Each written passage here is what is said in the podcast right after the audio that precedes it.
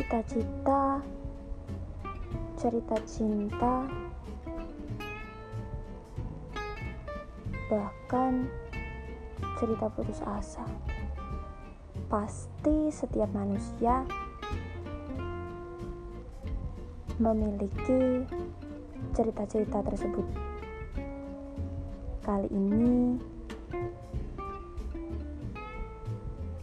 di podcast ini aku bakal bagi cerita pendek tentang berbagai sudut pandang cinta, kehidupan, cita-cita, dan keputusasaan.